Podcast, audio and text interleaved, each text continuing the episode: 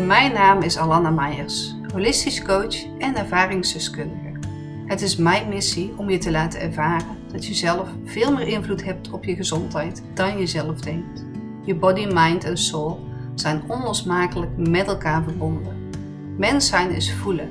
Dat is wat het leven betekenisvol maakt. Laat je eigen natuur leidend zijn. Bewuste aandacht als voeding en verrijking van jezelf. Ik leer je in je lichaam aanwezig te mogen zijn, waardoor je levensenergie weer kan gaan stromen. Vind de rust terug in jezelf, vergroot je bewustzijn en master je mind, body en soul connectie. Innerlijke balans is de bron van je gezondheid. Daarbij help ik je in deze podcast. Welkom bij een nieuwe aflevering van de Unique Life podcast. Vandaag wil ik een onderwerp met je bespreken waarvan ik geloof dat veel mensen in deze maatschappij last ervaren. Het is zeker een proces waar ik erkenning in kan vinden. Nu niet meer zo, wel in mijn verleden. Je wilt iedereen tevreden houden. Je schiet eigenlijk al te hulp terwijl hier niemand om gevraagd heeft. Als je jezelf hierin herkent, herken je vast en zeker de reddersrol. Of ook wel pleaser-gedrag. Waarschijnlijk heb je deze rol al lang geleden op je genomen. En is het een soort van overlevingsmechanisme geworden voor je. Het kan al ontstaan zijn in je gezinsdynamiek. Hoe gingen je ouders met je om? En hoe gingen ze met elkaar om? Wat voor voorbeeld heb je gehad? Het is natuurlijk fijn om anderen te kunnen helpen waar je om geeft. Alleen mag dit nooit ten koste van jezelf gaan. Op lange termijn iemand willen redden kost je zoveel meer dan je jezelf misschien nog bewust van bent. Je herkent het waarschijnlijk wel dat je jezelf moe voelt van het maar redden en rennen door de dag. Je richt jezelf bijna automatisch op anderen en wat ze nodig hebben. Je wilt anderen graag tevreden stellen en aan verwachtingen voldoen. Je wilt het voor iedereen goed doen en vindt het lastig om voor jezelf op te komen. Je vermijdt conflicten. Je cijfert jezelf volledig weg voor een ander en vindt dit eigenlijk heel normaal. Je gaat vaak over je eigen grenzen heen. Je bent altijd bereikbaar voor vrienden, familie of werk. Je hebt je eigen waarde gehangen aan het helpen van anderen. Zonder het helpen van anderen voel je jezelf niet zoveel waard. Je weet misschien ook niet zo goed wie je bent zonder het helpen van anderen. Wanneer je besluit te stoppen met het redden van anderen, voel je je snel onrustig of gestrest, wat ervoor zorgt dat je terugvalt in oude patronen. En wat ervoor kan zorgen dat je jezelf teleurgesteld voelt in de anderen. Je hebt dezelfde verwachtingen van hun als je eigenlijk jezelf oplegt. In het onderbewustzijn zit hier een vorm van jaloezie misschien wel, omdat je zelf ook beter voor jezelf zou willen opkomen en dat verlangen nou eens zou willen gaan volgen. Wat ergens ook wel logisch is, want je hebt jezelf zo lang weggecijferd dat wanneer jij een keer hulp nodig heeft, niemand de ruimte of tijd heeft voor jou. Zo voelt het althans.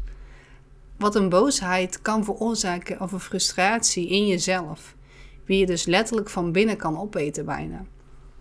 Je komt daardoor in een vorm van leegte terecht, een innerlijke leegte en onrust. Je ervaart stress, alleen weet niet zo goed waar dit vandaan komt. Wat je ook probeert, je vindt geen invulling voor de leegte, omdat je zo gewend bent om voor anderen bezig te zijn.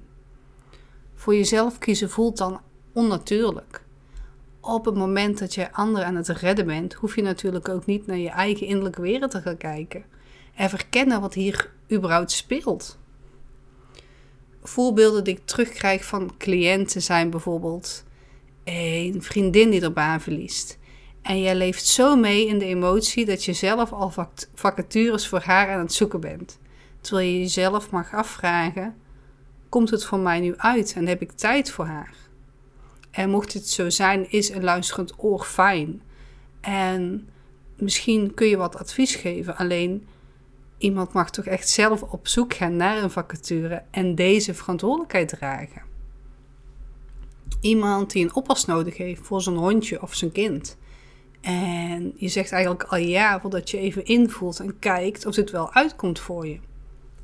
Waar het dus eigenlijk om gaat, is dat er een situatie ontstaat wie jij voor een ander op wilt gaan lossen, ten koste van jezelf. Heb je jezelf al eens afgevraagd wat het redden van anderen je eigenlijk oplevert? Iemand anders vindt je aardig en is dankbaar voor wat je doet. Je voelt je gezien en gehoord en gewaardeerd. Het kan bijna voelen als de reden van jouw bestaan. Je bent onbewust gaan geloven dat de voorwaarde om met deze waardering te mogen ontvangen is dat je aardig en behulpzaam hebt te zijn. Hiermee heb je je eigen waarde gekoppeld aan wat je voor anderen betekent. Want wat zou er gebeuren als anderen je niet meer aardig en behulpzaam vinden? Wie ben jij dan nog? Dit triggert angst. Angst om er alleen voor te staan, om alleen te zijn misschien wel. En stoppen met het redden van anderen begint bij bewustwording. Dat heb je mij zeker al vaker horen zeggen. Alles begint eigenlijk bij bewustwording. Als jij veranderingen wil gaan creëren. En niet iedereen heeft natuurlijk in dezelfde mate last van zijn of haar redderschool. In een één op één traject zie ik bijvoorbeeld vaak dat de ene goed is geworden in grenzen aangeven. En de andere nog worstelt met bepaalde vragen. Hoe kan ik beter voor mezelf zorgen? Hoe ga ik om met de leegte als ik stop met redden? redden? Hoe ga ik uh, vaker nee liggen zeggen? Om deze redderschool los te laten heb je dus bewustwording te creëren in je gedrag en emoties. Wie je hierbij ervaart.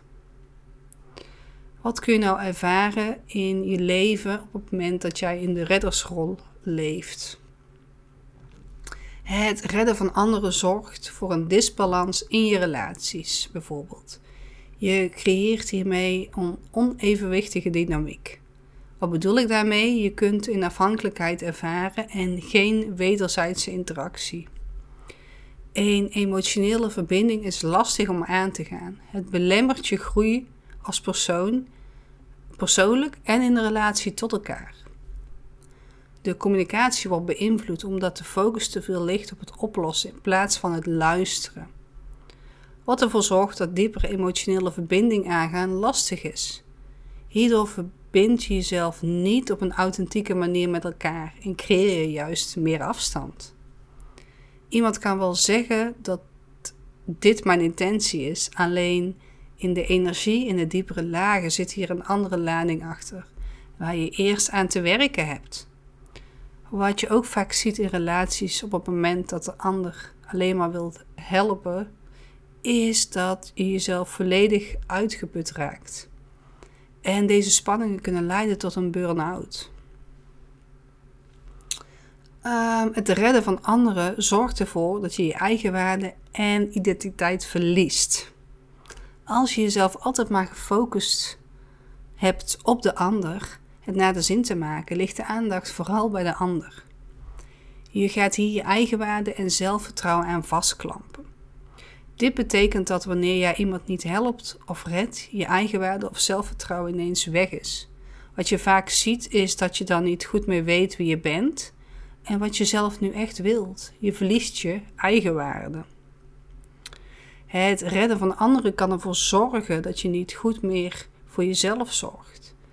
Als je je eigen gevoelens en verlangens lang genoeg genegeert en maar doorgaat om voor een ander te zorgen, zorgt dit voor uitputting. Wat ik natuurlijk net ook al heb benoemd, wat dus tot een burn-out of andere klachten kan leiden. Het redden van anderen kan ervoor zorgen dat het een soort verslaving wordt. Of überhaupt, het is eigenlijk gewoon een verslaving. Wanneer je last ervaart van een redderschool, wil je altijd wel iemand helpen. Ondertussen ervaar je het gevoel dat je niet voldoende waardering ontvangt. Het gevoel wat je ervaart bij het helpen van anderen wordt een verslaving waar je niet meer zonder kan omdat het gevoel geeft jou dus die waardering waar je zo naar op zoek bent. Wat je kan helpen is om in een journal dagelijks bij te houden wat jij denkt, voelt en doet. Om meer inzicht te krijgen in je emoties en gedrag. Niemand kan natuurlijk zonder hulp. Alleen sommige mensen geven die alleen maar om er zelf beter op te worden. Wat bedoel ik hier nu mee? Kenmerkend voor iemand in een reddersrol is dat je een bepaalde dwangmatigheid ervaart in je handelen. Je bent vaak onzeker en door anderen te helpen ervaar je waardering. Je wilt aardig gevonden worden. En tegelijkertijd biedt dit je de mogelijkheid om te ontsnappen aan je eigen problemen. Een ander willen helpen klinkt ook als een mooie karaktereigenschap. En dat is het zeker. Alleen niet als het doorslaat in een reddersrol. Iedereen heeft veel steun of advies nodig. Dit heeft alleen wel in lijn te liggen met je eigen behoeftes. Grenzen aangeven en je eigen waarde en zelfvertrouwen vergroten is wat je helpt naar innerlijke rust en eigenaarschap. Je patronen doorbreken, bewustwording en zelfreflectie. Het begrijpen van de gevolgen en de positieve verandering creëren is wat je stap voor stap uit deze rol kan halen. Ik krijg regelmatig te horen dat ik veel deel in mijn podcast. Ik geloof alleen niet dat je te veel kennis kunt delen. Als je iets wil weten, kun je het tegenwoordig overal vinden. Er zijn genoeg kanalen en mogelijkheden. Je gaat het dan ook niet naar een coach of een mentor om de kennis of alleen voor de kennis. Een coach, een begeleider of mentor helpt je om meer objectieve inzichten in jezelf te ontvangen. Deze spiegelt je en helpt je de antwoorden zelf naar boven te halen. Deze begeleidt je in jouw proces, alleen heb je wel zelf echt de keus te maken om ergens aan te willen werken. Waardoor het ook mogelijk wordt om sneller je verlangens te verwezenlijken. Iemand blijft namelijk altijd verantwoordelijk voor zijn eigen proces. Ik geloof dan ook dat als je wilt groeien, dat we allemaal onszelf een begeleider of voorganger mogen gunnen, die al bereikt heeft waar jij wilt staan.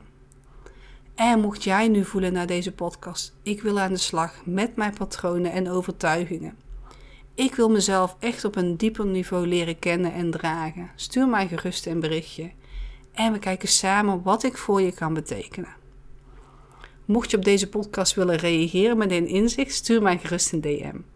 Voor nu wil ik je bedanken voor het luisteren. Via de link in de show notes download je de weekly selfcare tool helemaal gratis, waarmee jij bewustwording gaat creëren in je gevoelens en gewoontes. Ik wens je een fijne dag, avond, weekend, wanneer jij ook deze podcast luistert. Tot de volgende keer.